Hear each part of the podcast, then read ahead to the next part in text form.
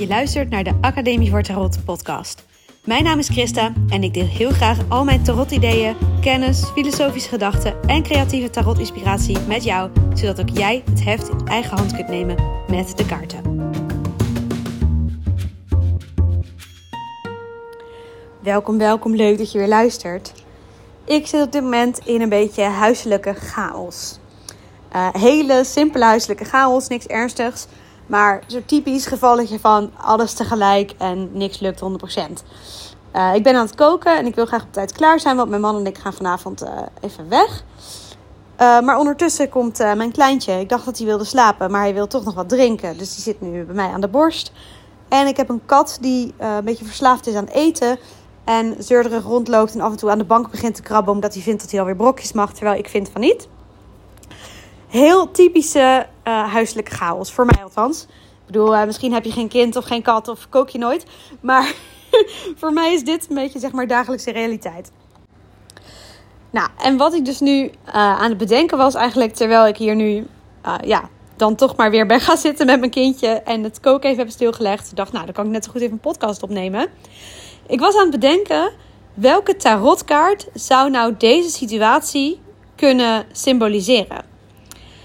En ik denk dat het een beetje een mengeling is van de tegenovergestelde situatie van de tien van Bekers. Het plaatje waar het gezinnetje zo lekker harmonieus op staat en alles op rolletjes loopt. Dat is echt een beetje een, uh, een ideaal plaatje dat volgens mij uh, niet bestaat. ik vind het altijd wel grappig om, om die kant van de tien van Bekers uh, te benoemen. Dat het een ideaal plaatje is en dat het vaak mooier is, mooier lijkt op die afbeelding dan dat het in werkelijkheid kan zijn. En dat is vaak een kant die ja, mensen die met tarot werken uh, en die dan bij mij bij een consult komen, dan ja, is dat een soort eye-opener van, oh ja, dat is eigenlijk een, een mindere kant van die kaart die niet zo vaak benoemd wordt, denk ik. Maar die ik wel interessant vind. Uh, maar goed, een mengeling dus van, van die kaart, de, de schaduwkant eigenlijk van die kaart. En ik denk de twee van pentakels, waar je iemand ziet die probeert de ballen hoog te houden. Dus het is de ballen hoog houden in een gezinssituatie. Um, en ja, terwijl ik dat zo zat te bedenken, dacht ik, ik vind het interessant om daarover even uh, daarop te reflecteren. En ook gewoon eens met je te delen van, hé, dit is best wel een interessante manier van nadenken over tarot. Namelijk niet, ik trek een kaart en bekijk hoe die met mijn situatie uh, te maken heeft. Maar andersom bedenken van, hé, hey, in welke situatie zit ik? En waar herken ik dat in de kaarten? En zo ga je dan zien, het is, het is gewoon een gedachteoefening. Het heeft niet per se een specifiek doel of zo.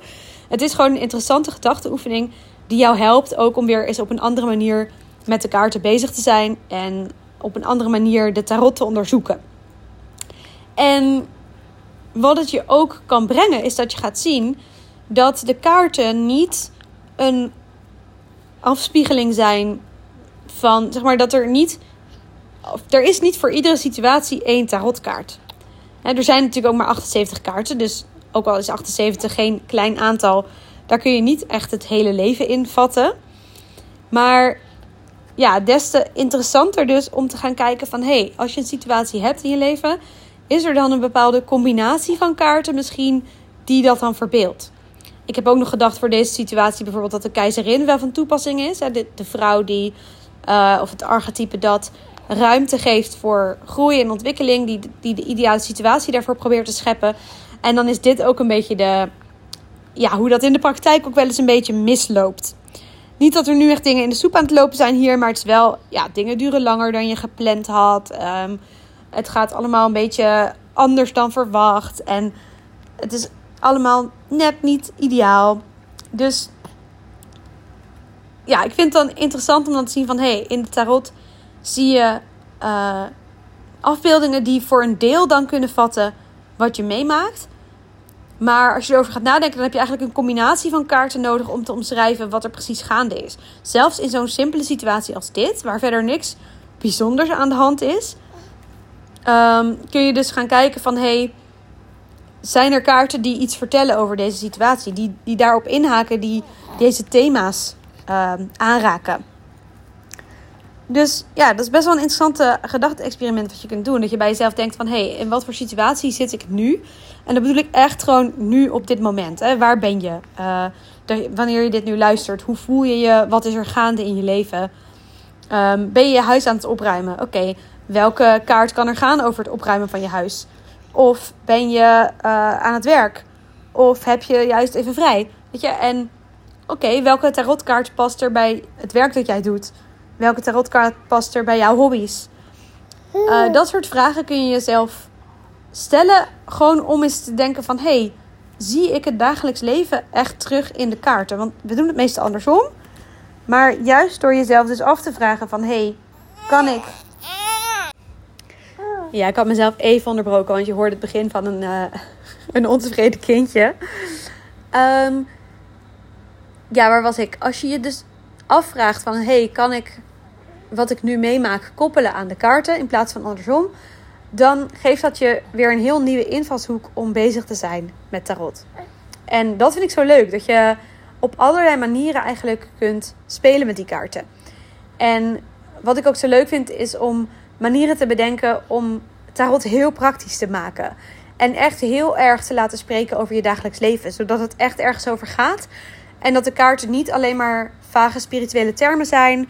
Niet alleen maar de vage begrippen van in balans komen en in je kracht staan. En ehm, dingen van een andere kant bekijken. Dat zijn van die vage termen die je heel vaak hoort in, de, in tarotduidingen. Maar deze oefening helpt je echt om te zien dat de kaarten heel letterlijk over situaties kunnen gaan. Dat ze iets kunnen weerspiegelen van hoe de dingen gaan.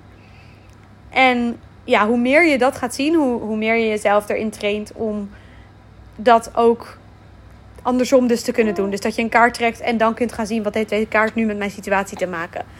En deze gedachteoefening, om het dus andersom te doen, kan je dus best wel helpen om een eye-opener te zijn. En letterlijk dus van een andere kant te gaan kijken. Een beetje de energie van de gehangenen in deze podcast. Nou, tot zover deze gedachten. Ik hoop dat je dit uh, leuk vond om dit gedachte-experiment ook uh, aan te gaan. En uh, ik ga gauw weer verder met de chaos hier in huis.